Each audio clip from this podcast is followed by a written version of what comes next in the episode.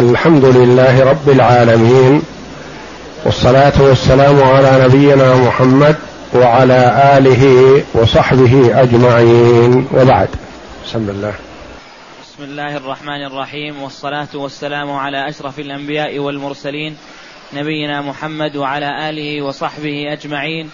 قال المؤلف رحمه الله تعالى معركة مؤتة.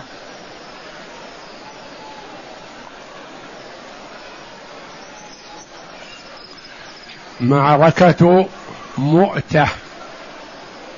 مؤتة هذه قرية في أدنى الشام. وسميت المعركة بها لأنها وقعت فيها. وهذه المعركة معركة عظيمة شديدة. أكبر عدو تجمع للمسلمين بعد أن شرع الله القتال إلى يومها هي أكبر عدو. وأكثرهم عددا وعدة.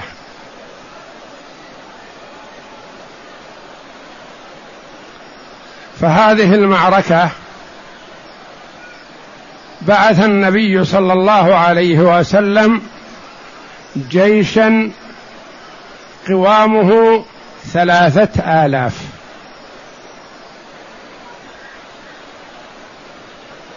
وهو أكبر جيش بعثه النبي صلى الله عليه وسلم لقتال ما عدا ما حصل من تجمع الصحابة حول النبي صلى الله عليه وسلم في معركة الأحزاب.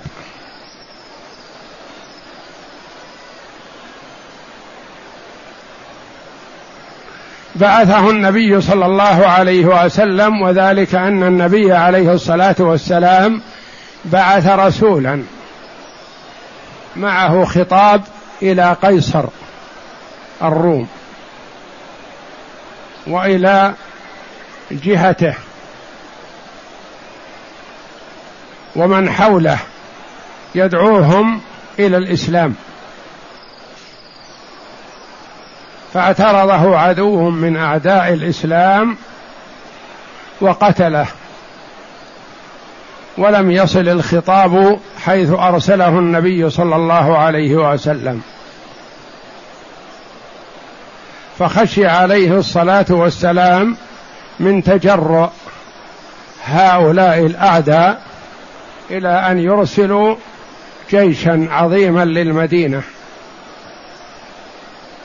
فأرسل هذا الجيش يشعرهم بأن المسلمين لهم قوة حتى لا يفكر أعداؤهم في غزوهم. فتجمع جيش عظيم من الروم ومن العرب المتاخمين لهم قوامه مئتا ألف. في مقابلة ثلاثة آلاف من المسلمين. ولكن الله جل وعلا سلم وكانت خسارة المسلمين وشهداء المسلمين في هذه المعركة العظيمة اثنا عشر رجل. وهذا نصر عظيم أن يتقابل ثلاثة آلاف مع مئتي ألف وتكون خسارة الجيش القليل اثنا عشر رجلا. وخسارة الكفار كثيرة لكنها ما ظهر إحصاؤها لأن خالد رضي الله عنه لما تولى القيادة سايف بالجيش وانصرف بدون أن يكون شعور من الكفار بأن هذا انهزام. وخشي الكفار بأن هذه خدعه من المسلمين وإنما يريدون استخراجهم إلى الصحراء ليقضوا عليهم فرجعوا.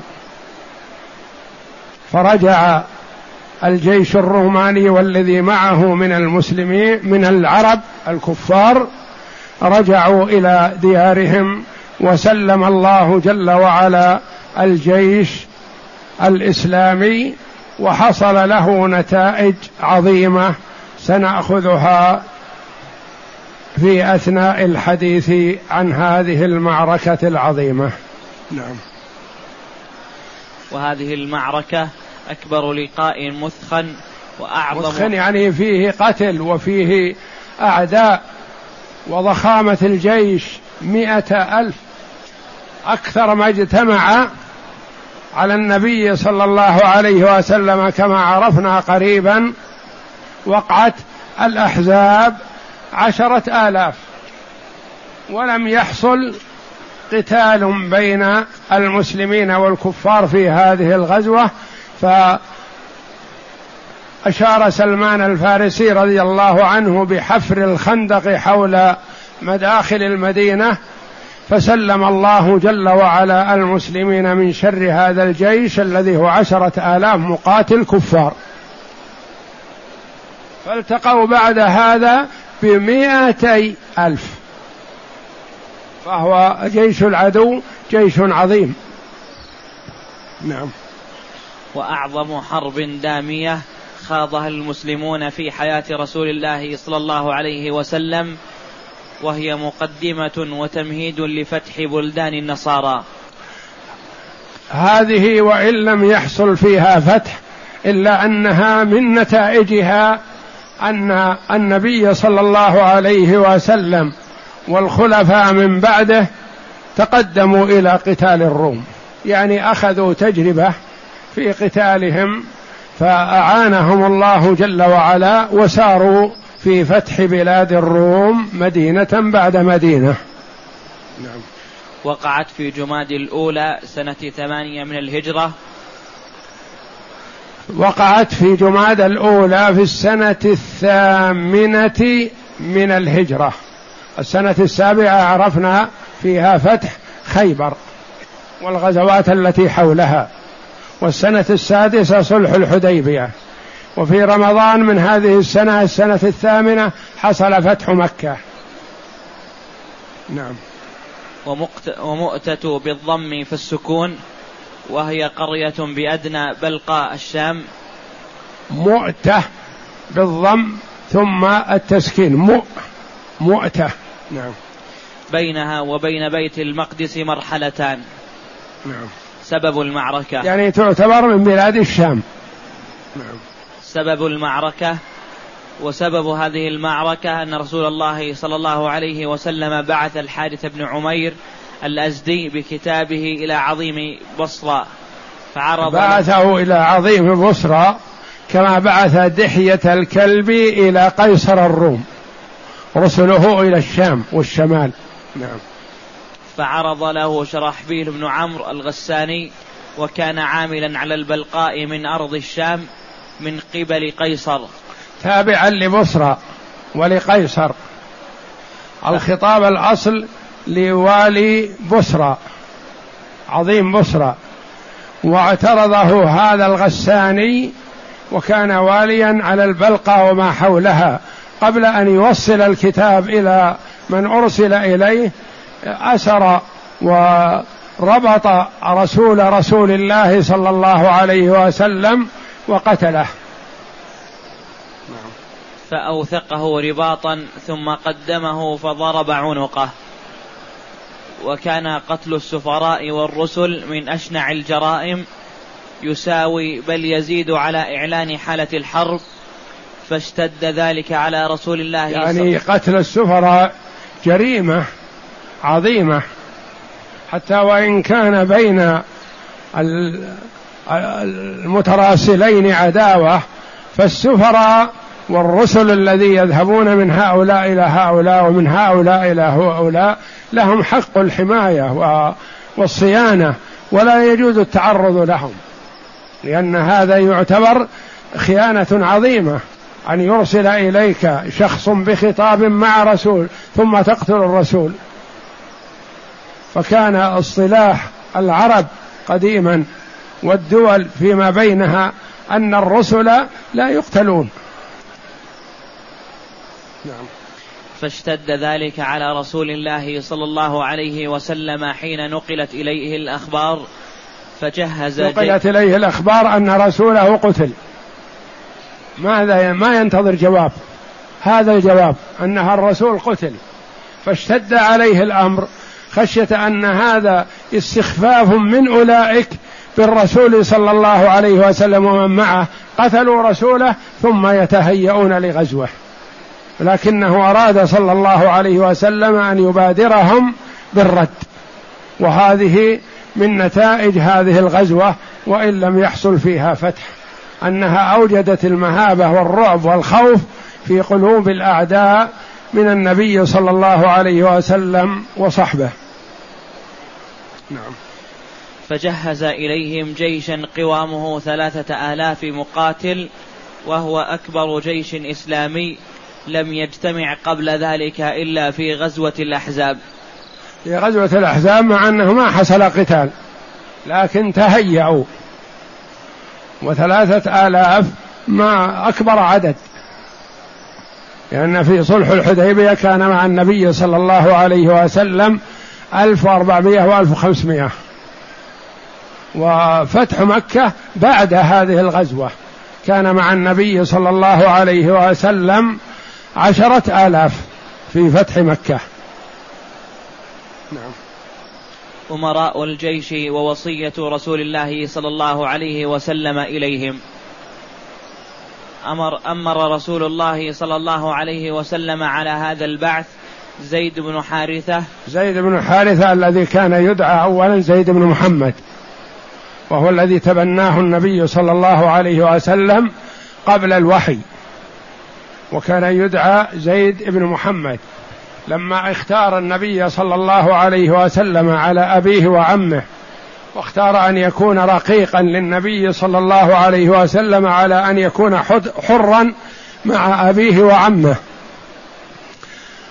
خرج به النبي صلى الله عليه وسلم إلى مجامع الناس وقال أشهدكم أن زيد ابني يرثني وأرثه. وصار يدعى زيد ابن محمد. فلما أنزل الله جل وعلا ادعوهم لآبائهم هو أقسط عند الله. الآية دعي زيد بن حارثة لأن أباه معروف وهو من بني حارثة. نعم. وقال إن قتل زيد فجعفر. فالنبي صلى الله عليه وسلم يأخذ بالاحتياط. يقول إن قتل زيد من يكون الأمير؟ لا أمير للجيش لا يصلح الجيش بلا أمير. فأميرهم جعفر ابن أبي طالب رضي الله عنه ابن عم النبي صلى الله عليه وسلم وأخو علي ابن أبي طالب رضي الله عنه. نعم. وإن قتل جعفر فعبد الله بن رواحة. لأن المسافة بعيدة والشقة بعيدة.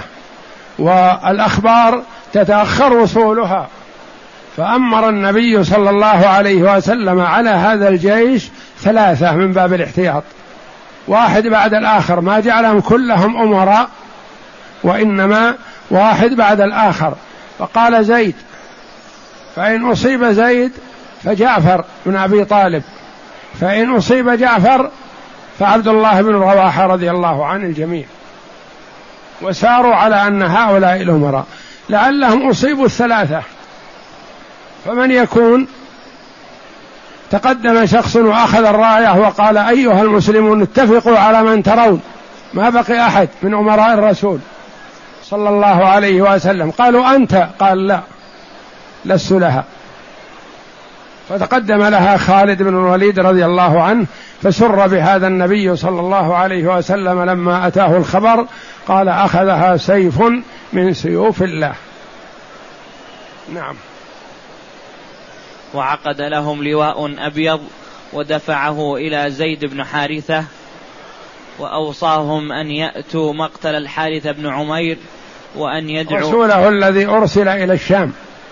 قال قاتلوا أهل هذه القرية التي بعدما تدعونهم إلى الإسلام يعني اتجهوا إليهم وادعوهم إلى الإسلام قبل كل شيء. فإن استجابوا فالحمد لله فهذا الذي نريده. وإن لم يستجيبوا فقاتلوهم. وقاتلوا أهل القرية الذين قتلوا رسول رسول الله صلى الله عليه وسلم. وأوصاهم أن يأتوا مقتل الحارث بن عمير وأن يدعوا من هناك إلى الإسلام فإن أجابوا وإلا استعانوا بالله عليهم. وقاتلوهم وقال لهم أغزوا بسم الله. أغزوا بسم الله. يعني يكون الغزو باسم الله تبركا باسمه واتكالا عليه وأنكم تغزون لوجه الله جل وعلا. ما تريدون مالا ولا رياسة ولا إمارة ولا مناطق تستولون عليها وإنما تغزون جهادا في سبيل الله. اغزوا بسم الله في سبيل الله من كفر بالله. من كفر بالله لا تقاتلوا إلا من كفر بالله. أما من أظهر إسلامه فهو أخونا له ما لنا وعليه ما علينا. لا تغدروا ولا لا تغدروا. لا تعطوا العهد ثم تغدروا الغدر قبيح وكبيرة من كبائر الذنوب وذكره النبي صلى الله عليه وسلم من علامات النفاق إذا عاهد غدر. يعني ما يفي بالعهد الذي عاهده يخلف كأنه يعطي العهد من باب الخديعة. ثم ينكث بعد هذا. ولا تغيروا ولا تغيروا أو ولا تغيروا يعني لا تغيروا على القوم فجأة بل ادعوهم إلى الإسلام. فإن استجابوا فالحمد لله. وإلا فلا تغيروا عليهم ليلا وهم لا يعلمون ولا يدرون. ولا تقتلوا وليدا ولا امرأة. لا تقتلوا وليدا يعني ولد غير مهيأ للقتال. ما بلغ. لأن الأولاد ما يجوز قتالهم وكذا النساء. إلا امرأة تقاتل فتقتل. لكن إذا كانت لا تقاتل فلا تقتل.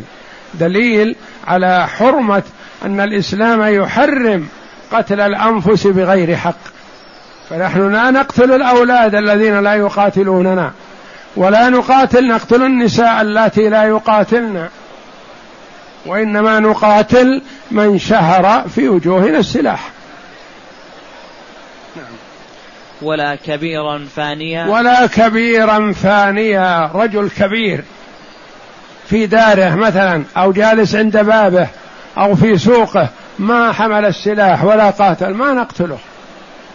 هذا لعل الله أن يمن عليه بالإسلام فيسلم وإلا فليس مقاتلا لنا حتى نقاتله. دليل على أننا لا نقاتل إلا من قاتلنا.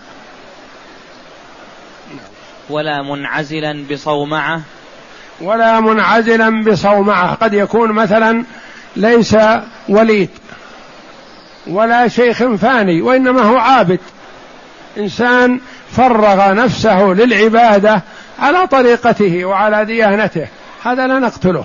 وإن كانت عبادته خطأ وغير صحيحة وضلال لكن لا نقتله لأنه ما شهر في وجوهنا السلاح. والعابد من عباد النصارى يرثى لحاله. وقد رأى عمر رضي الله عنه رجلا يظهر عليه الإرهاق والتعب من العبادة. والصيام فبكى عمر رضي الله عنه وأرضاه. فقال له من حوله لما يا أمير المؤمنين؟ هذا نصراني. يعني كيف تبكي عليه وهذا نصراني؟ قال هذا الذي أبكاني. هذا الذي هو أبكاني. يعني بكيت عليه رفقا بحاله. أنهك نفسه وهو خاسر والعياذ بالله. وتلا قوله تعالى وجوه يومئذ خاشعة عاملة ناصبة تصلى نارا حامية. يعني هذا أرهق نفسه في العبادة والصيام وقيام الليل و التقشف وعدم إعطاء نفسه ما تريد من أكل وشرب ونحو ذلك. ومع هذا هو خاسر.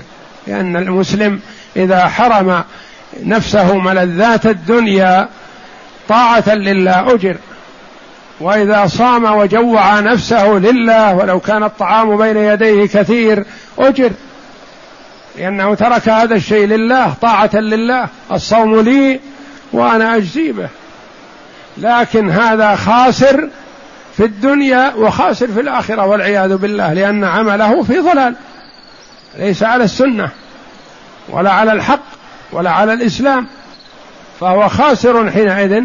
فبكى عمر رضي الله عنه رأفة بحاله. لكن هذا لا نقاتله ما دام أنه انعزل قتالنا ولم يرفع السلاح في وجوهنا فلا نقاتله. ولا تقطعوا نخلا ولا شجرة. يعني لا لا تفسدوا شيئا صالح. لأنكم ما بعثتم للتخريب وإنما بعثتم لهداية الناس. أرسلتم لدعوة الناس إلى الإسلام فلا تخربوا. وسلفنا الصالح كانوا يدعون إلى الإسلام بأخلاقهم الحسنة ومعاملتهم الطيبة وصدقهم ونصحهم وقولهم الحق مع المسلم والكافر. فدعوا إلى الإسلام بهذه الأفعال الحسنة بخلاف حال كثير من المسلمين اليوم والعياذ بالله ينفر عن الإسلام بسوء معاملته. معاملته السيئة يقال إذا كان هذه معاملة المسلمين فلا خير في الإسلام حينئذ. بينما الإسلام يدعو إلى كل خير. ويدعو إلى الرفق. ويدعو إلى الرفق حتى بالحيوان. وإذا قتلتم فأحسنوا القتل وإذا ذبحتم فأحسنوا الذبحة. وليحد أحدكم شفرته وليرح ذبيحته. وامرأة من بني إسرائيل غفر الله لها بسقيها كلب يلهث من شدة العطش. قالوا يا رسول الله حتى البهائم لنا فيها أجر قال في كل كبدة رطبة أجر. يعني القطة والكلب والحيوانات الصغيرة والكبيرة المسالمة فيها أجر إذا رفقت بها.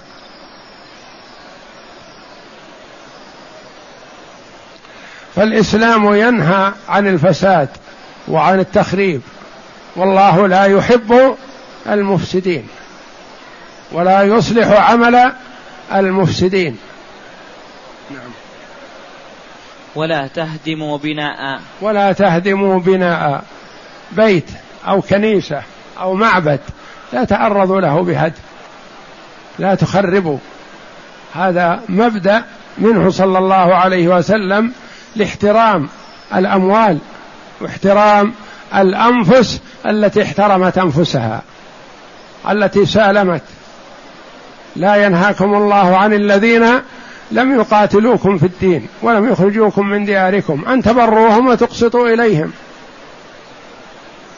إنما ينهاكم الله عن مبرة الذين قاتلوكم في الدين وأخرجوكم من دياركم وظاهروا على إخراجكم أن تولوهم. فمن كان مسالما لم يؤذي ولم يصدر منه أذى ما يسوغ لنا أن نؤذيه نعم توديع ولا تقطعوا ولا تقطعوا نخلا. ولا تقطع ولا تقطعوا نخلا ولا شجرة ولا تهدموا بناء.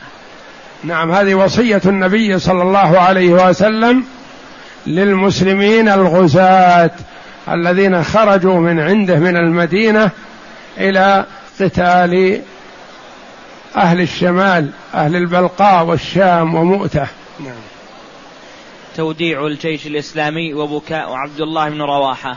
عبد الله بن رواحة هذا أمير الجيش الثالث. نعم ولما تهيأ الجيش الإسلامي للخروج حضر الناس ودعوا أمراء رسول الله صلى الله عليه وسلم وسلموا عليهم وحينئذ بكى أحد أمراء الجيش عبد الله بن رواحة. عبد الله بن رواحة من الأنصار. والأميران الأولان من المهاجرين زيد بن حارثة وجعفر بن أبي طالب من المهاجرين وعبد الله بن رواحة من الأنصار من أهل المدينة رضي الله عنهم نعم. فقالوا ما يبكيك فقال قالوا ما لك تبكي يعني عند الوداع بكى رضي الله عنه. فقال أما والله ما بي حب الدنيا ولا صبابة بكم. يعني ما هو شفقة بكم يعني يحب أني ما أغادركم. أحب المغادرة في سبيل الله. فما بكيت لهذا ولا لهذا. ما الذي أبكاه رضي الله عنه إذن؟ ولكني سمعت رسول الله صلى الله عليه وسلم يقرأ آية من كتاب الله يذكر فيها النار. وإن منكم إلا واردها كان على ربك حتما مقضيا. هذا الذي تذكرها فبكى رضي الله عنه. فقال من لي بالصدور بعد الورود. ما دام ان الورود؟ محقق. والصدور من النار غير محقق إلا برحمة الله.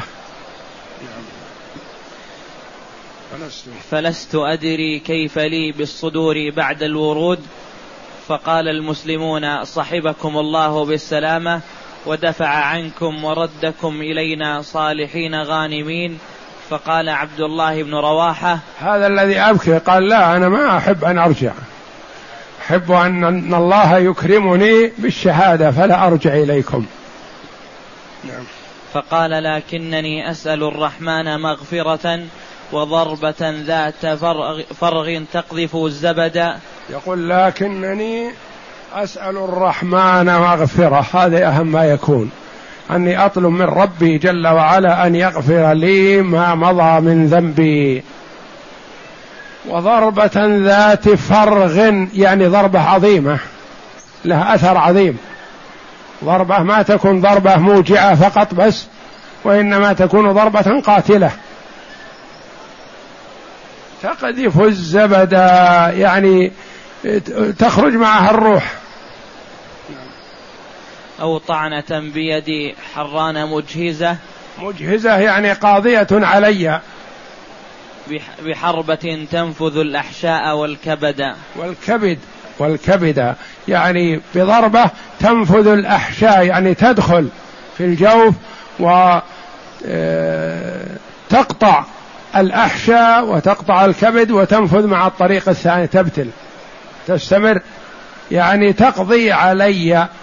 أريد طعنة أو ضربة واحدة منهما قاتلة. حتى يقال إذا مروا على جدثي جدثي يعني قبري. لا مروا على قبري يترحمون علي يذكرونني بالخير. أرشده الله من غاز وقد رشد أرشده الله من غاز يعني يقولون هذا جاء غاز في سبيل الله وقتل هنا. نعم. ثم خرج القوم وخرج رسول الله صلى الله عليه وسلم مشيعا لهم حتى بلغ ثنية الوداع. وسميت هذه الثنية ثنية الوداع لأن من أراد سفرا كان يودعه أهل المدينة إلى هذه الثنية ثم يرجعون. فوقف وودعهم. تحرك الجيش الإسلامي ومباغتته حالة ومباغتته حالة رهيبة. نعم. وتحرك الجيش الإسلامي في اتجاه الشمال حتى نزل معان نعم. من أرض من أرض الشام. من أرض الشام. أدنى الشام. توجه إلى الشمال. لأن الشام شمال المدينة نصا. نعم. مما يلي الحجاز الشمالي. وحينئذ نقلت إليهم نقلت إليهم الاستخبارات بأن هرقل نازل بمآب من أرض البلقاء في جاءتهم أخبار لما قربوا من الشام بأن هرقل ملك الروم علم عن مسير الجيش الإسلامي إليه فجمع جيشا عظيما لمقابلتهم قبل أن يدخلوا الشام. جاءوا إلى أدنى الشام مما يلي الحجاز. في مئة ألف من الروم. مئة ألف من الروم. واجتمع معهم مئة ألف ممن حولهم من كفار العرب. وانضم إليهم من لخم وجذام وبلقين وبهراء وبلى مئة ألف. وبلي بلي من وبلي مئة الأعراب اللي حول تبوك وجهاتها تلك. نعم. وبلي مئة ألف. مئة ألف أخرى فأصبح الجيش قوامه مئة ألف وجيش المسلمين ثلاثة. نعم. المجلس الاستشاري بمعان. معان التي هي من أرض الشام. نعم. لم يكن المسلمون أدخلوا في حسابهم لقاء مثل لقاء مثل هذا هذا الجيش العرمرم؟ يعني ما كانوا يتوقعون أنهم ذهبوا يحاربون أهل الشام كلهم كانوا جاءوا إلى القرية التي قتل فيها رسول رسول الله صلى الله عليه وسلم يريدون تأديبهم وقتالهم ودعوتهم إلى الإسلام قبل كل شيء ما توقعوا أن الروم سيعلمون عنهم ويأتون بهذا الجيش العارمرم. الذي بوغتوا به في هذه الأرض البعيدة وهل يهجم جيش صغير قوامه ثلاثة آلاف مقاتل فحسب على جيش كبير عرمرم مثل البحر الخضم قوامه مئة ألف مقاتل. وكانوا بعيدين عن النبي صلى الله عليه وسلم ويخشى من هجوم الأعداء إليهم لو أرسلوا رسول إلى النبي صلى الله عليه وسلم يخبره بأن الجيش سيقابل مئتي ألف. فاهتموا لهذا الأمر واجتمعوا قادتهم رضي الله عنهم يتشاورون فيما بينهم. والله جل وعلا امتدح المؤمنين بأنهم أمرهم شورى بينهم. والنبي صلى الله عليه وسلم أمره الله جل وعلا وهو الذي ينزل عليه الوحي من السماء بأن يشاور أصحابه. مبدأ الشورى تعليم للأمة أنه ما يستبد القائد أو الرئيس أو الكبير بالرأي. حتى وإن كان الرسول صلى الله عليه وسلم فكان يشاور ويرجع عليه الصلاة والسلام إلى مشورة أصحابه كما تقدم لنا في مشورة الحباب بن المنذر في موقعة بدر وفي الواقع بعدها. نعم. حار المسلمون وأقاموا في معان ليلتين يفكرون في أمرهم وينظرون ويتشاورون ثم قالوا نكتب إلى رسول الله صلى الله عليه وسلم فنخبره بعدد عدونا فإما أن يمدنا بالرجال وإما أن يأمرنا, يأمرنا بأمره فنمضي له. يعني خشوا رضي الله عنهم قالوا نخشى أن يتقدم ثلاثة آلاف في مقابلة مائتي ألف أن نكون ممن ألقى بنفسه إلى التهلكة. والرسول عليه الصلاة والسلام نخشى أن يلومنا. نحن نطلب الشهادة ونريدها لكن نخشى أن يلومنا يقول لما لم تخبروني أن هذا عدوكم؟ أنا ما أرسلتكم إلى هذا العدو العظيم أرسلتكم إلى قرية أو قريتين مثلا. فقالوا نكتب إلى رسول الله صلى الله عليه وسلم ونخبره بعدد عدونا فإن شاء أمدنا وإن شاء أمرنا بأمره. نأتمر. ولا نتوقف لكن ننتظر الأمر من النبي صلى الله عليه وسلم. لكن صاحبهم رضي الله عنه الذي تمنى الشهادة ثناهم عن هذا العزم لأنه حريص على ما تمناه بصدق من قلبه رضي الله عنه فأعطاه الله جل وعلا ما تمنى. ولكن عبد الله بن رواحة هذا الأمير الثالث. عارض هذا الرأي وشجع الناس قائلا يا قوم والله إن التي تكرهون للتي خرجتم تطلبون. إن الذي تكرهون يعني أن يغلبكم الجيش هو الذي أنتم خرجتم تطلبونه هو الشهادة. نتيجة يعني كون الجيش يغلبكم جيش الكفار يغلبكم تحصل لكم الشهادة. هذا اللي أنتم تريدون. أنتم ماذا تبحثون عنه؟ النصر أو الشهادة؟ فأنتم لن تفلسوا. إما النصر من الله جل وعلا كما نصر أهل بدر وهم قلة وضعفاء وفقراء على كفار مكة وهم عدد عظيم وعدة وعتاد. نصرهم الله عليهم. أو تكون الأخرى وهي التي تطلبونها الشهادة في سبيل الله. أنتم لن تفلسوا من إحدى الحسنيين. وثنى عزمهم رضي الله عنه عن أن يكتبوا للنبي صلى الله عليه وسلم لأن من المعلوم أن الكتابه تتطلب وقت ويذهب الرسول ويرجع إلى رسول ويذهب إلى المدينة للرسول صلى الله عليه وسلم ويرجع إليهم يتطلب وقت ويخشى من مهاجمة الأعداء إذا علموا أنهم قريب منهم.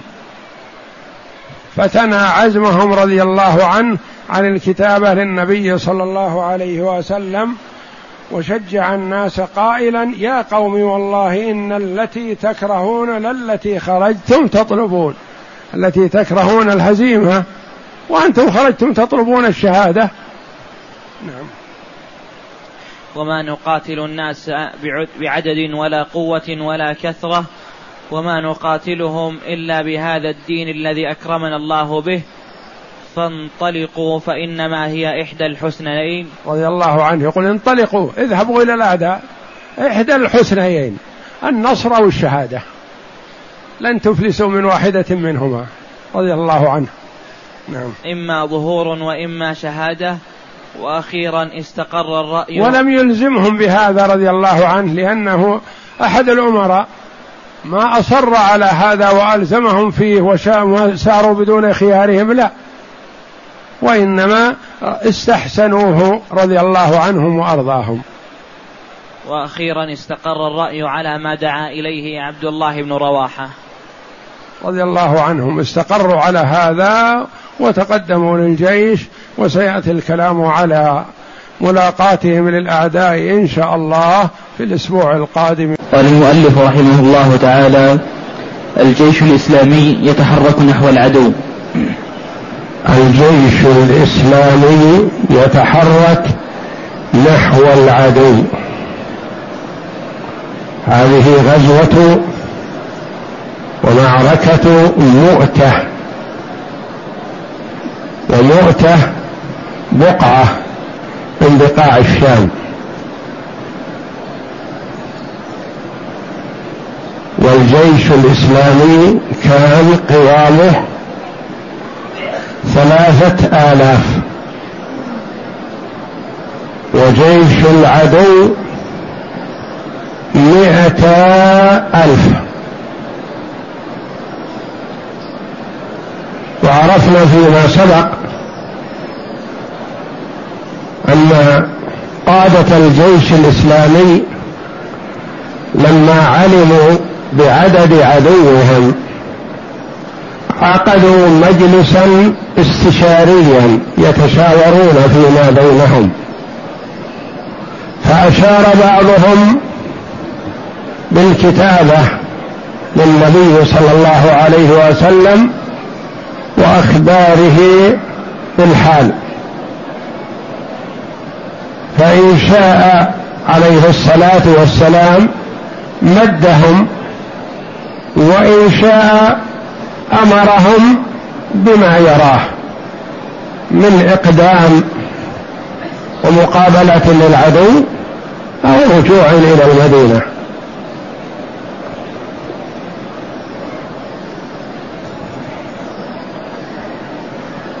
فقبل بعضهم هذا الرأي. لأن فيه إخبار النبي صلى الله عليه وسلم وإطلاعه على حقيقة الأمر. ثلاثة آلاف تقابل مئتي ألف غريب جدا.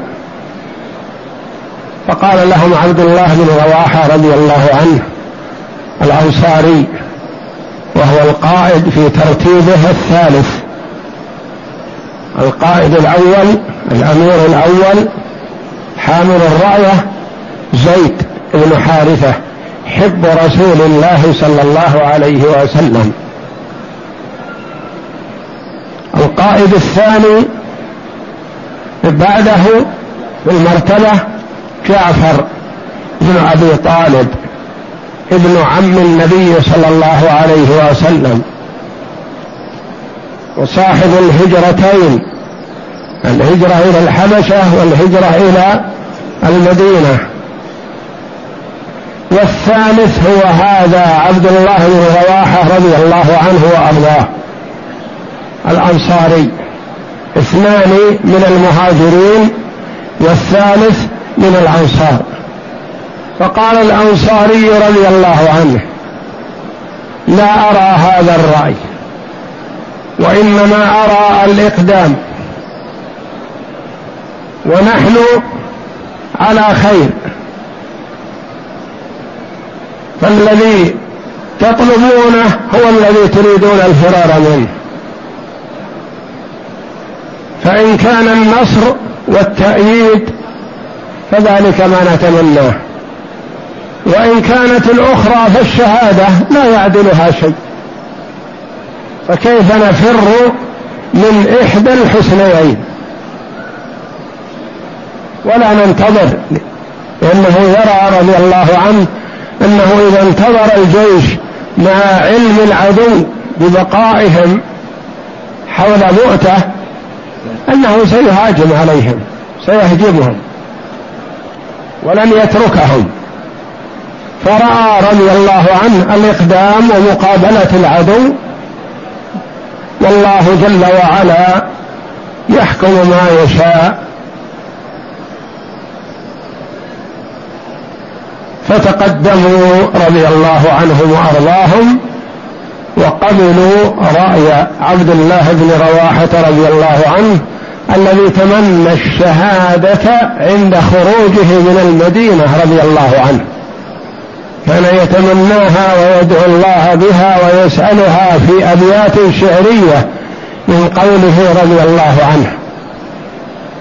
وكان موفق في شعره ينافح ويدافع عن النبي صلى الله عليه وسلم. فتقدموا وهو ما عنون له المؤلف رحمه الله تعالى بقوله الجيش الإسلامي يتحرك نحو العدو والعدو مكون من مئتي ألف. مئة ألف من الروم ومائة ألف من حولهم من العرب من المشركين. تناصروا وتعاونوا ضد المسلمين. نعم. وحينئذ بعد أن قضى الجيش الإسلامي ليلتين في معان تحركوا إلى أرض العدو حتى لقيتهم جموع هرقل بقرية من قرى البلقاء يقال يقال لها مشارف. ثم دنا العدو وانحاز المسلمون إلى مؤتة فعسكروا هناك وتعبأوا القتال فجعلوا على ميمنتهم قطبة بن قتادة العذري وعلى الميسرة عبادة بن مالك الأنصاري. يعني صفوا صفا وجعلوا أمير. فيها الأمير العام القائد العام هو من عينه النبي صلى الله عليه وسلم. وقائد للميمنة وقائد للميسرة يعني فروع عن القيادة العامة. نعم.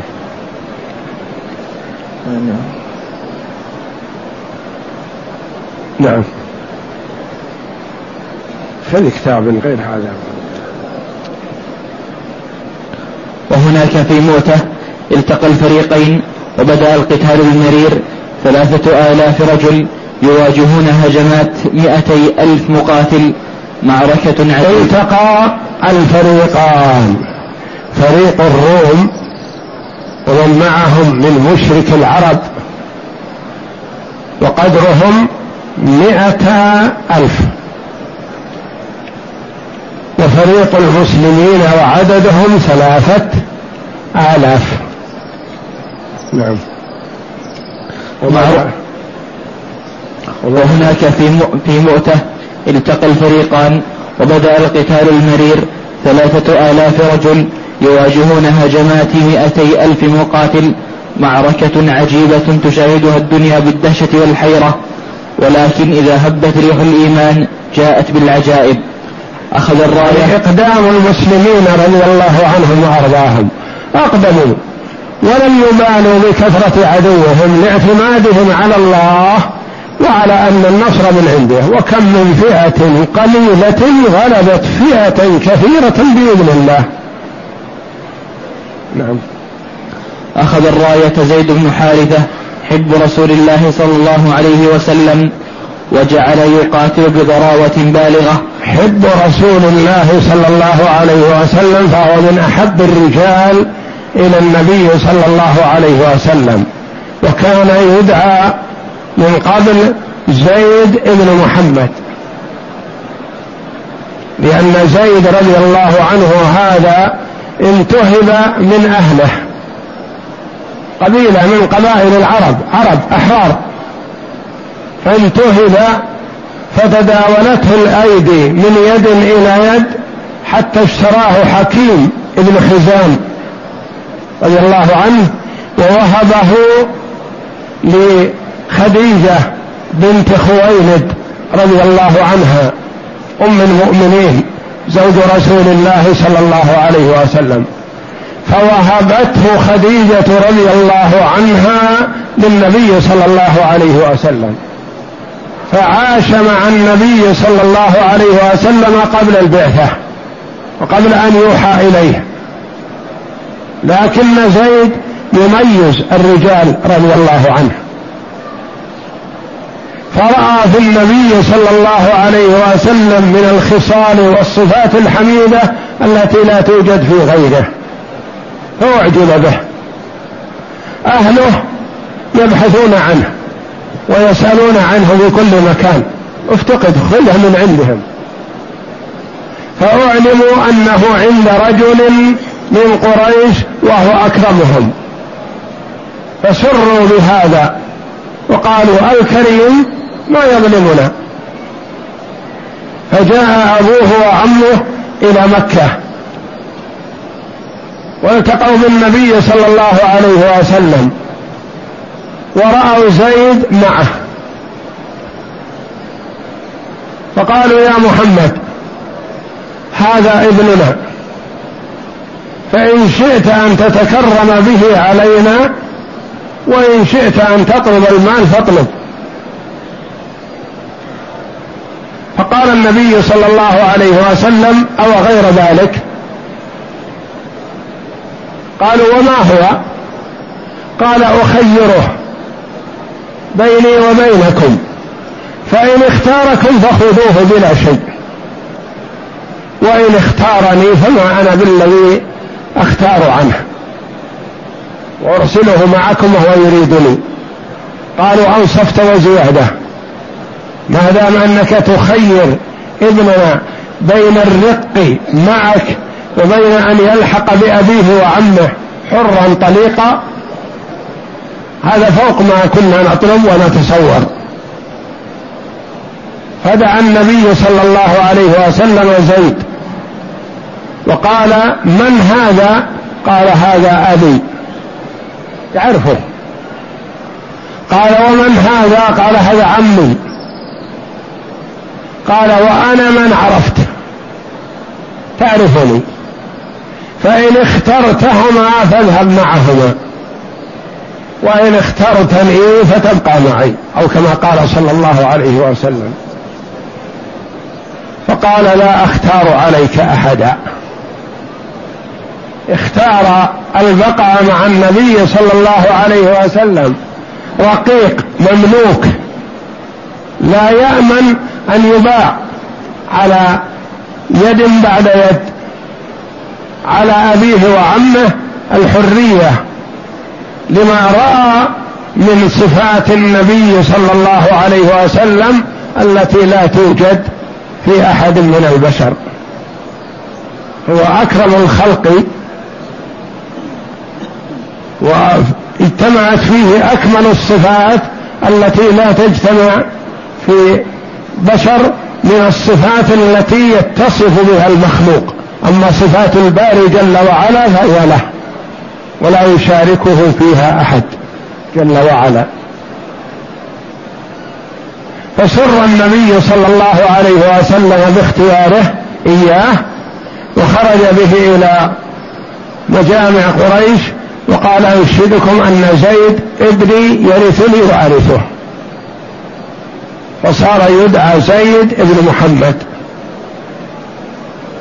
حتى نزل قوله جل وعلا في سورة الأحزاب ادعوهم لآبائهم هو أقسط عند الله فإن لم تعلموا آباءهم فإخوانكم في الدين ومواليكم وليس عليكم جناح فيما أخطأتم به. الآية. فتوقف عن دعوته لزيد بن محمد وقال صار زيد بن حارثة نسب إلى أبيه رضي الله عنه. وأصبح مع النبي صلى الله عليه وسلم واختاره النبي صلى الله عليه وسلم قائدا في عدد من الغزوات التي قبل مؤته وفي مؤته هو القائد الأول. ثم بعده ابن عم النبي صلى الله عليه وسلم. ثم بعده عبد الله بن رواحة رضي الله عن الجميع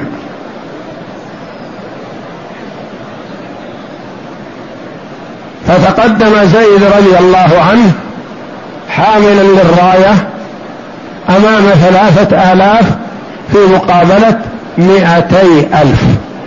نعم.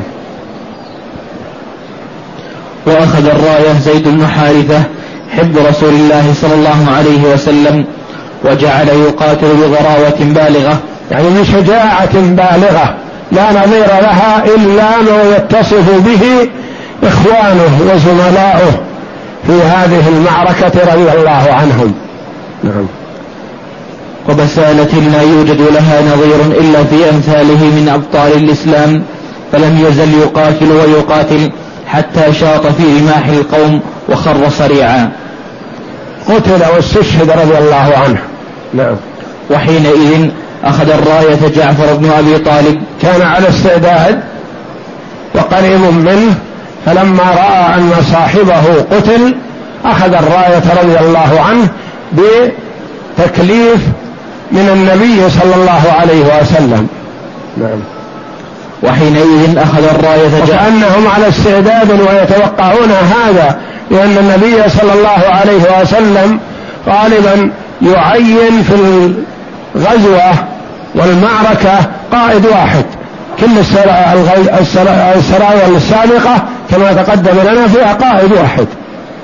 إلا هذه نظرا لبعد المسافة وكثافة العدو ولا يدرى ماذا يقابلون لأنهم ذهبوا لتأديب أهل قرية اعتدوا على رسول رسول الله صلى الله عليه وسلم. فكانوا يظنون أنهم يقابلون من الألف إلى عشرة آلاف معقول. فإذا بهم يقابلون مائتي ألف. فقال النبي صلى الله عليه وسلم القائد زيد فإن قتل فجعفر فإن قتل فعبد الله بن رواحة. ولم يعين رابع رضي الله عليه الصلاة والسلام. نعم. وحينئذ أخذ الراية جعفر بن أبي طالب وطفق يقاتل قتالا منقطع النظير حتى إذا أرهقه القتال اقتحم عن فرسه الشقراء فعقرها. ورد أنه هو أول من عقر الفرس في الإسلام. لما عقرها رضي الله عنه؟ أولا نزل على قدميه بدل ما كان يقاتل على الفرس. ثانيا عقرها حتى يعطي نفسه القوة والاندفاع بأنه لا مركوب له انتهى. وعقرها حتى لا يستفيد منها العدو.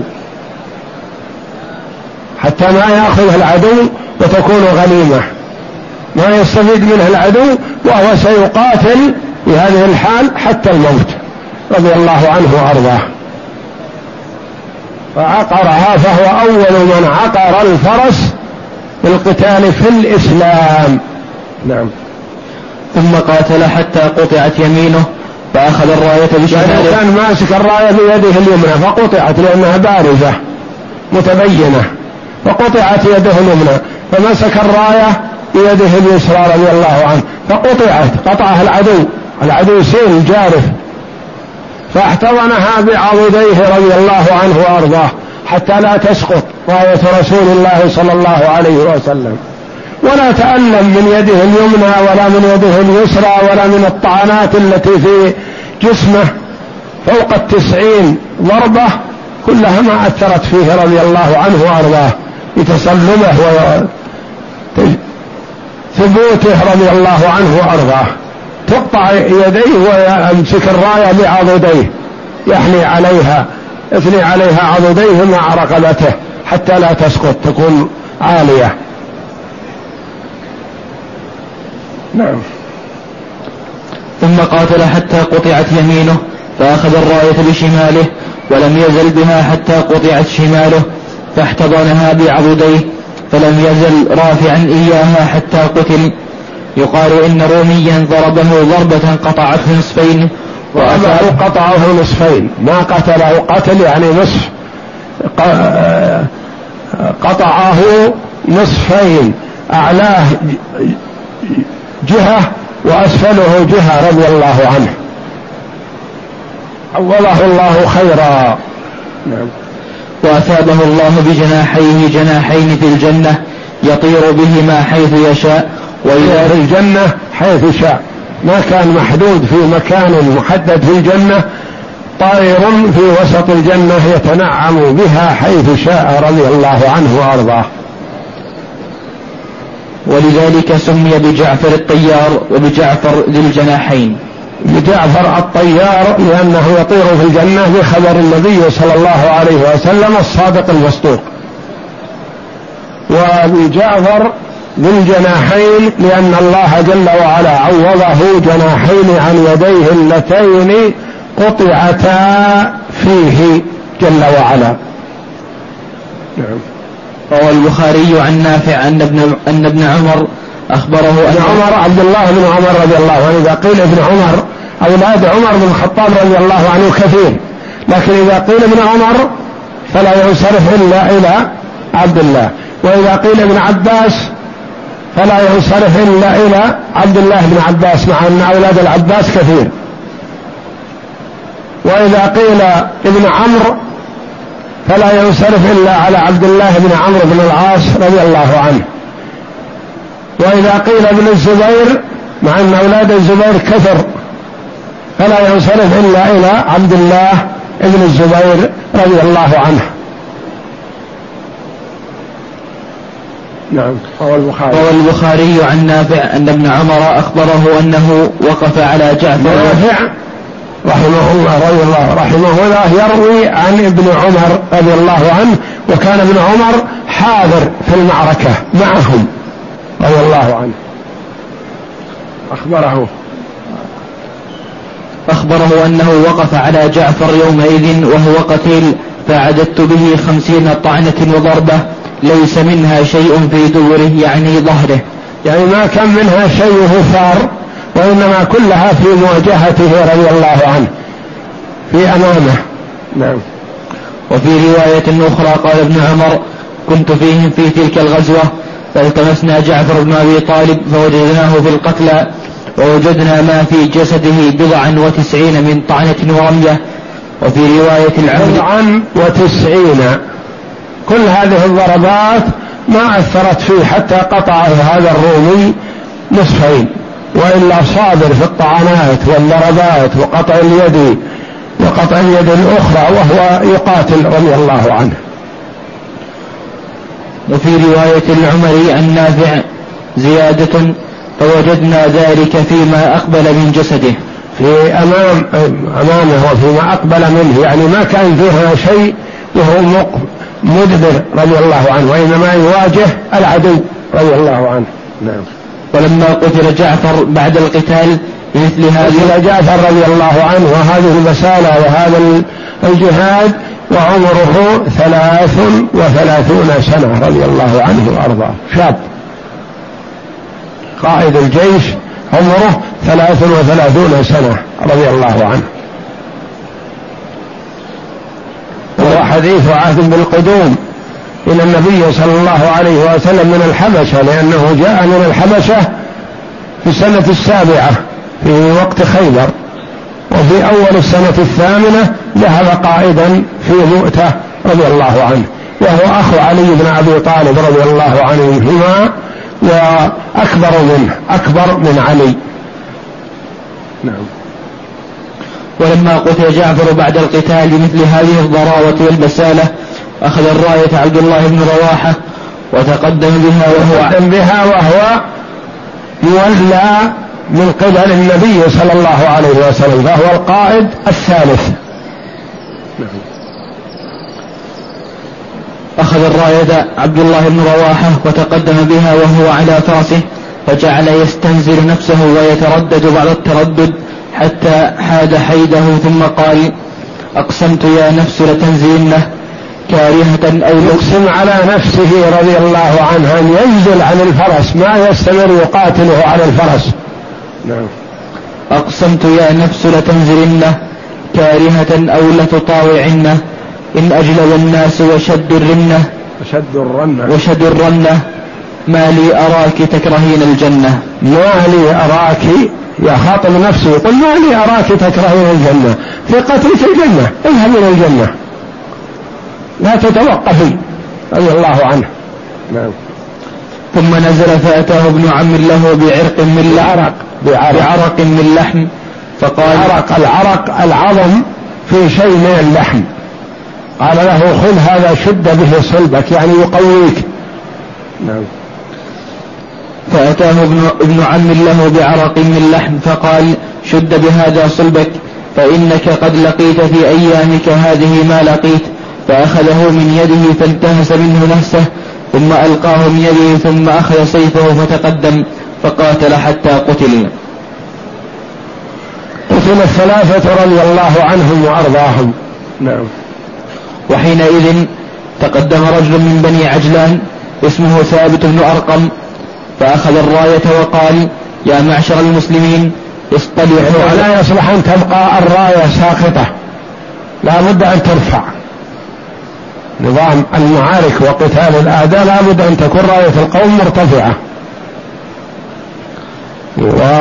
وراية كفار قريش في موقعة أحد لما قتل حمالها حملتها امرأة. تقدمت امرأة وحملتها. في أول الأمر لأنهم هزموا في أول الأمر في معركة أحد.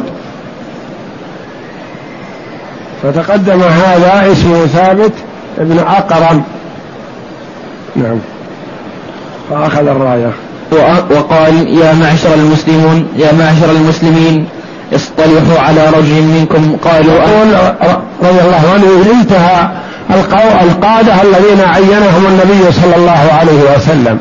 وما يصلح القوم بلا قائد. ولا يصلح أن يتقدم القائد يرشح نفسه.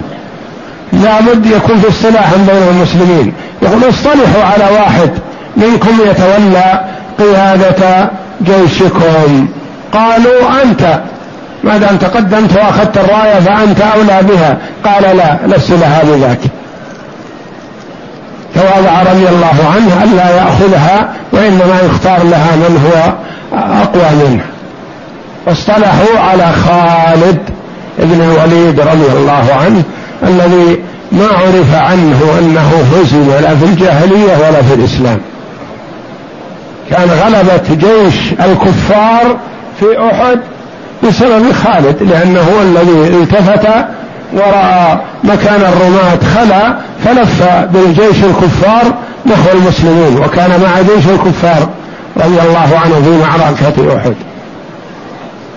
وكان القائد المظفر والشجاع والفارس رضي الله عنه ويقول عن نفسه ما في جسمي موضع درهم واحد إلا وفيه طعنة أو ضربة بسيف أو رمح. وها أنا أموت كما يموت العير أو البعير لا نامت أعين الجبناء يقول الإقدام ما يعجل الموت. كما أن الإحجام والكسل والبعد عن مواطن المعارك والقتال ما يطيل في الأجل. هذا أنا يقول ما في جسمي موضع درهم واحد إلا وفيه طعنة وضربة وما مت في معركة من المعارك حيث أن الله جل وعلا ما أراد له ذلك. مات على فراشه رضي الله عنه وأرضاه. نعم. فقال ما أنا بفاعل. واصطلح الناس على خالد بن الوليد فلما أخذ الراية قاتل قتالا مريرا. فقد روى رضي الله عنه في ذاك الوقت حديث عهد بالإسلام. ما كان متقدم إسلامه رضي الله عنه. هو عمرو بن العاص جاءوا إلى النبي صلى الله عليه وسلم قرب هذا الوقت. ما كان من السابقين رضي الله عنهم. وقيل لعمرو بن العاص رضي الله عنه لما جاء مع خالد وإياه ما الذي أبطأ بك يا عمرو؟ يعني نرى أنك لا رأي وإدراك وفهم والإسلام نور خير الإسلام ما يرغب عنه ولا نرى أنك أبطأت. قال رضي الله عنه كان لنا أشياخ اتبعناهم. يعني قلدنا الآباء. فلما ولوا ذهبوا وصار الأمر إلينا نظرنا فأدركنا. نظر أن الإسلام خير فسار إلى النبي صلى الله عليه وسلم وجاء إلى النبي صلى الله عليه وسلم في المدينة وبايعه عمرو بن العاص. ولما مد يده للنبي صلى الله عليه وسلم للبيعة مد النبي صلى الله عليه وسلم يده فكفها عمرو. فقال لما يا عمرو؟ قال يا رسول الله أردت أن أشترط. قال تشترط ماذا؟ قال أن يغفر لي. تذكر رضي الله عنه ما سلف منه من الإساءة للمسلمين وأذاهم فأراد أن يشترط عند البيعة. فقال له النبي صلى الله عليه وسلم الرؤوف الرحيم ما علمت يا عمرو أن الإسلام يهدم ما كان قبله وأن الهجرة تهدم ما كان قبلها وأن التوبة تهدم ما كان قبلها أو كما قال صلى الله عليه وسلم فبايع رضي الله عنه. نعم. فقد روى البخاري عن خالد بن الوليد قال لقد انقطعت في يدي يوم مؤتة تسعة أسياف وما بقي في يدي إلا صفيحة يمانية. وفي لفظ آخر لقد دق في يدي يوم مؤتة تسعة أسياف وصبرت في يدي صفيحة لي يمانية. أن يقاتل رضي الله عنه بالسيف حتى ينكسر ثم يأخذ سيف آخر ثم ثالث ثم رابع ثم خامس حتى انقطع في يده تسعة أسياف. تسعة سيوف رضي الله عنه. تكسرت في يده من كثرة ما قتل من الرجال من الكفار. وهو رضي الله عنه سالم. يصيبه الطعنات وتصيبه الضربات وما أثرت فيه وما كلت من عزمه. ولا تلوى لما أصابه أو تأثر أو انزعج أو بكى رضي الله عنه وأرضاه. تسعة أسياف بقي كلها تكسرت في يده من قتال الكفار رضي الله عنه. جل وعلا وفقه لحكمة فانحاز بالجيش لأنهم لا بقاء للجيش. ثلاثة ثلاثة آلاف مع مئتي ألف.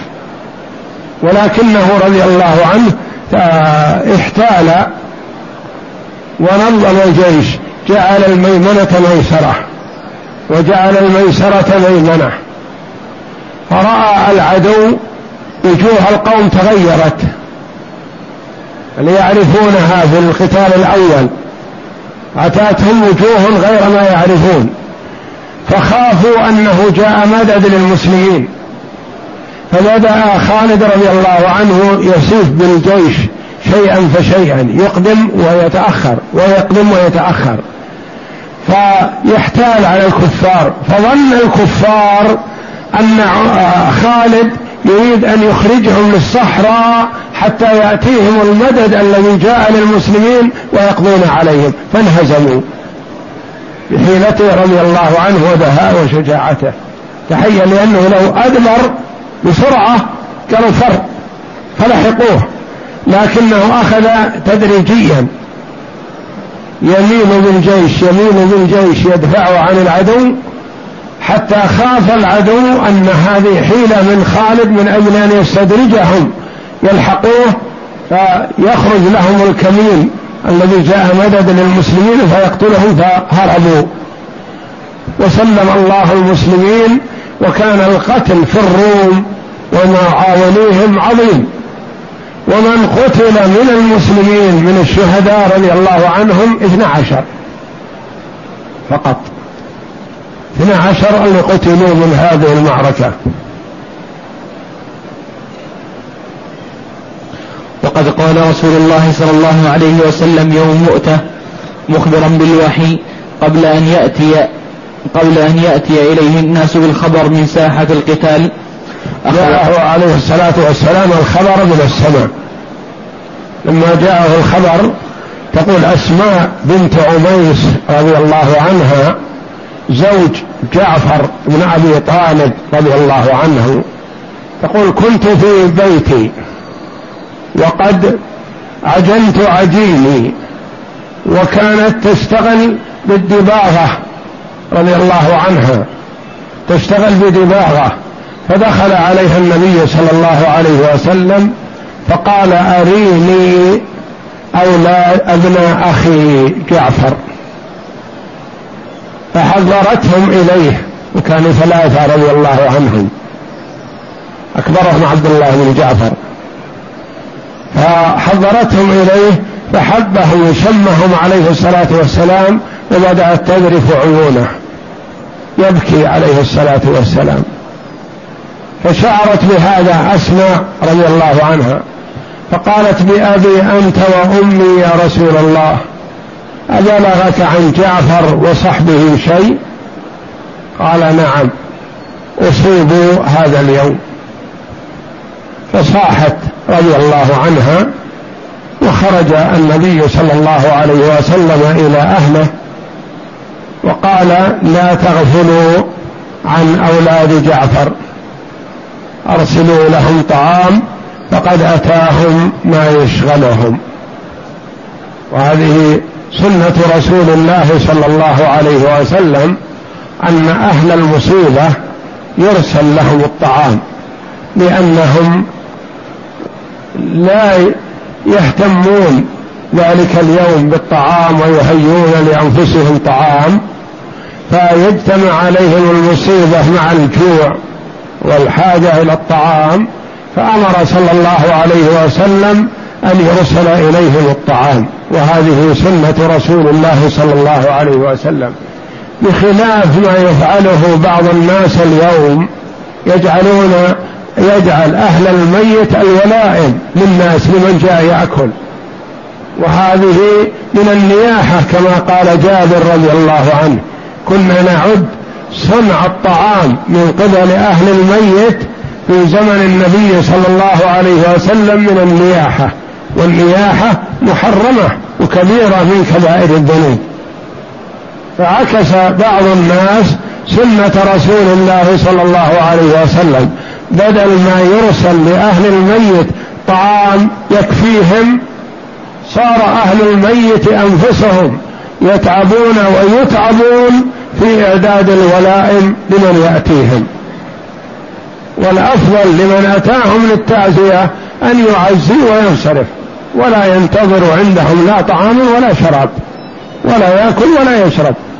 إنه جاء للتعزية وجبر إخوانه المسلمين والدعاء لهم والانصراف. فلا يرهقهم بالولائم كما يفعل في يفعل في بعض الجهات فيرهقون أولياء الميت وأهل الميت مع المصيبة التي حصلت لهم إرهاقهم في تكثير الطعام وتقديمه للناس. نعم. وقد قال رسول الله صلى الله عليه وسلم يوم مؤتة مخبرا بالوحي قبل أن يأتي إليه الناس بالخبر قبل أن يأتي إليه الناس بالخبر من ساحة المعركة. أخذ الراية زيد فأصيب ثم أخذ جعفر فأصيب ثم أخذ ابن رواحة فأصيب وعيناه تذرفان حتى أخذ الرأية سيف من سيوف الله حتى فتح الله عليهم. فتح الله عليه يعني سلم الله الجيش على يده. فهو عليه الصلاة والسلام أثنى على تصرف خالد بن الوليد رضي الله عنه وأجل بحسن تصرفه ودافع عنه. بينما بعض الناس من أبناء الصحابة رضي الله عنهم كانوا يقولون لهذا الجيش أنتم فرار. فررتم من المعركة. يعني فررتم. ما استمررتم في المعركة في قتال العدو. فكانوا يقولون لهم الفرار حتى إنهم لما قدموا المدينة كان بعضهم يكره أن يخرج من بيته لما يقابل به من الكلام. فقال النبي صلى الله عليه وسلم عنهم إنهم ليسوا فرار. نعم. نهاية المعركة. ومع الشجاعة البالغة والبسالة والضراوة المريرتين كان مستغربا جدا أن ينجح هذا الجيش الصغير بالصمود أمام تيارات ذلك البحر الغطمطم من جيوش الروم. ففي ذلك الوقت أظهر خالد بن الوليد مهارته ونبوغه في تخليص المسلمين في تخليص المسلمين مما ورطوا أنفسهم فيه. واختلفت الروايات كثيرا فيما آل إليه أمر هذه المعركة أخيرا ويظهر بعد بعد النظر في جميع الروايات أن خالد بن الوليد نجح في الصمود أمام جيش الرومان طوال النهار في أول يوم من القتال وكان يشعر بمسيس الحاجة إلى مكيدة حربية. يعني يفكر هو يقاتل رضي الله عنه ويفكر في مكيدة يتخلص بها يخلص بها هذا الجيش الإسلامي من أنياب الكفر والضلال. ماذا يصنع؟ هو حاجة ماسة إلى مكيدة ولا مقابلة؟ مجابهة ما ما فيها نجاة. نعم. وكان يشعر بمسيس الحاجة إلى مكيدة حربية تلقي الرعب في قلوب الرومان حتى حتى ينجح في الانحياز بالمسلمين من غير أن يقوم الرومان بحركات المطاردة. فقد لو قاموا بحركة مطاردة لقضوا على المسلمين لأن المسلمون منهزمون والرومان في أثرهم فيقتلونهم ويقضون عليهم. نعم. فقد كان يعرف جيدا أن الإفلات من براثنهم صعب جدا لو انكشف المسلمون وقام الرومان بالمطاردة. فلما أصبح اليوم الثاني غير أوضاع الجيش وعبأه من جديد فجعل مقدمته ساقة وميمنته ميسرة وعلى العكس فلما رآهم الأعداء أنكروا حالهم وقالوا جاءهم مدد فرعبوا. وصار خالد بعد أن تراءى الجيشان وتناوشا ساعة يتأخر بالمسلمين قليلا مع حفظ نظام قليلا قليلا قليلا يعني شيئا فشيء نعم. مع حفظ نظام جيشه ولم يتبعهم الرومان ظنا منهم أن المسلمين يخدعونهم ويحاولون القيام بمكيدة ترمي بهم في الصحراء. وهكذا انحاز العدو إلى بلاده ولم يفكر في في القيام بمطاردة المسلمين ونجح المسلمون في الانحياز سالمين حتى عادوا إلى المدينة. الحمد لله. نعم. قتل الفريقين. واستشهد يومئذ من المسلمين اثنا عشر رجلا. أما الرومان اثنا عشر رجل يعني من هذه المعركة العظيمة يعتبر نصر. لكن هؤلاء الرجال الذين ذهبوا خاصة القادة الثلاثة الواحد منهم كالألف. لكنه تعتبر غنيمة عظيمة أن يتقابل مئة ألف مع ثلاثة آلاف وتكون الخسارة لفريق ثلاثة آلاف اثنى عشر رجل. يعني ما قضوا على نصفهم أو أكثر من ذلك. اثنى عشر رجل هم قتلى المسلمين رضي الله عنهم شهداء عند الله. نعم. أما الرومان فلم يعرف عدد قتلاهم غير أن تفصيل المعركة يدل على كثرتهم لأن خالد رضي الله عنه انكسر في سيفه تسعة أسياف. السيف ما ينكسر إلا بعد ما يقتل به أمة رضي الله عنه. السيف ما ينكسر في الهواء إلا في أجساد الرجال.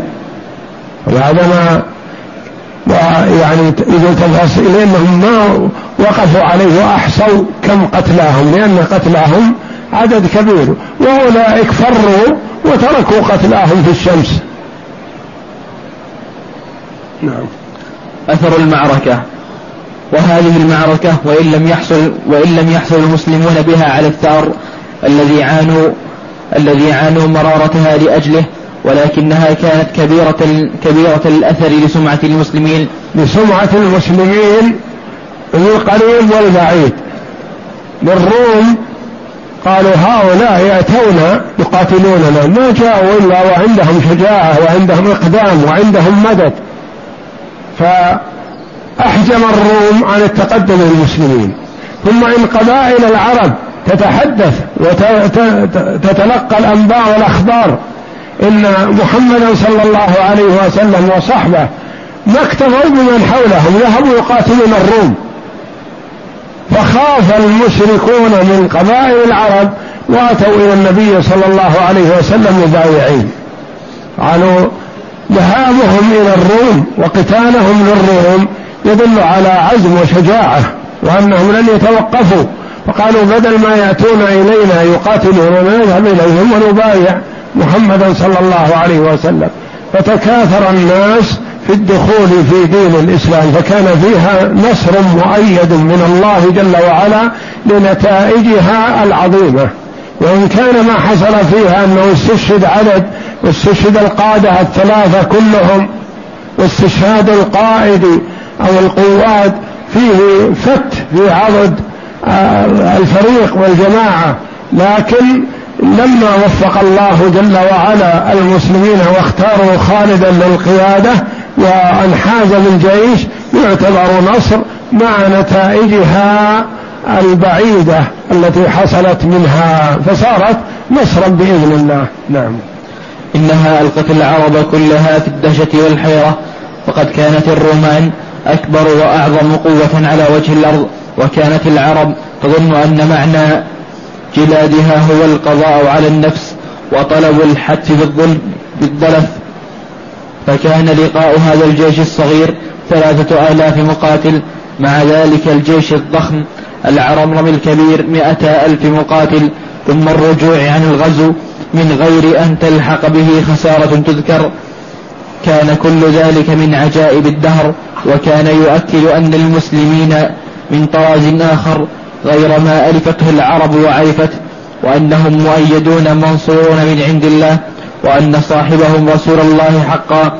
ولذلك نرى القبائل اللدودة التي كانت لا تزال تثور على المسلمين جنحت بعد هذه المعركة إلى الإسلام فأسلمت بنو سليم وأشجع وغطفان ودبيان وفزارة وغيرها. يعني قبائل العرب التي كانت حول النبي صلى الله عليه وسلم وفي جزيرة العرب جاءت مسلمة وكانت قبل قبل موتة تحارب النبي صلى الله عليه وسلم. نعم. وكانت هذه المعركة بداية اللقاء الدامي مع الرومان فكانت توطئة وتمهيدا لفتوح البلاد الرومانية واحتلال المسلمين الأراضي البعيدة النائية. والله أعلم وصلى الله وسلم وبارك على عبده ورسول نبينا محمد وعلى آله وصحبه أجمعين.